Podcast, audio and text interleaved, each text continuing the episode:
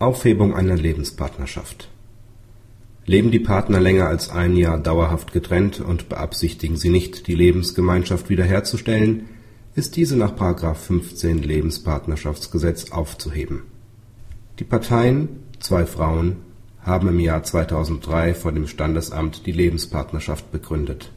Mindestens seit August 2006 leben die Parteien getrennt, da sie sich auseinandergelebt haben mit Urteil des Amtsgericht Familiengerichts vom 5.7.2007 wurde das Gesuch der Antragstellerin auf Aufhebung der Lebenspartnerschaft zurückgewiesen, weil, so das Amtsgericht, nicht feststellbar sei, dass die Lebenspartnerschaft der Parteien gescheitert sei und die Parteien seit mindestens einem Jahr getrennt gelebt hätten. Gegen dieses Urteil hat die Antragstellerin Berufung eingelegt. Die Antragstellerin verweist darauf dass die Antragsgegnerin noch mit anwaltlichem Schriftsatz vorprozessual ihr gegenüber erklärt habe, dass die Parteien seit dem 15.06.2006 innerhalb der Ehewohnung getrennt gelebt hätten. Unbeschadet dessen sei aber ihrem Gesuch nunmehr stattzugeben, lebten doch die Parteien nach übereinstimmender Bekundung mindestens seit dem 1.08.2006 getrennt.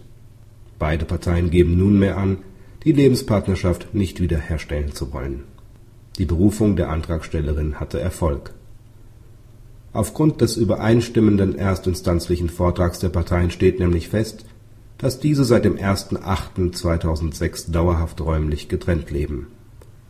Da überdies sowohl die Antragstellerin als auch die Antragsgegnerin nicht mehr beabsichtigen, ihre partnerschaftliche Lebensgemeinschaft wiederherzustellen, sind nunmehr die Voraussetzungen des Aufhebungsgrundes nach § 15 Absatz 1 Absatz 5 in Verbindung mit Absatz 2 Nr. 1 Buchstabe b Lebenspartnerschaftsgesetz gegeben, so dass dem Antrag auf Aufhebung der Lebenspartnerschaft in der Rechtsmittelinstanz zu entsprechen war. OLG Naumburg Urteil vom 30.10.2007 3 UF 189 aus 07 Beck RS 2008 04368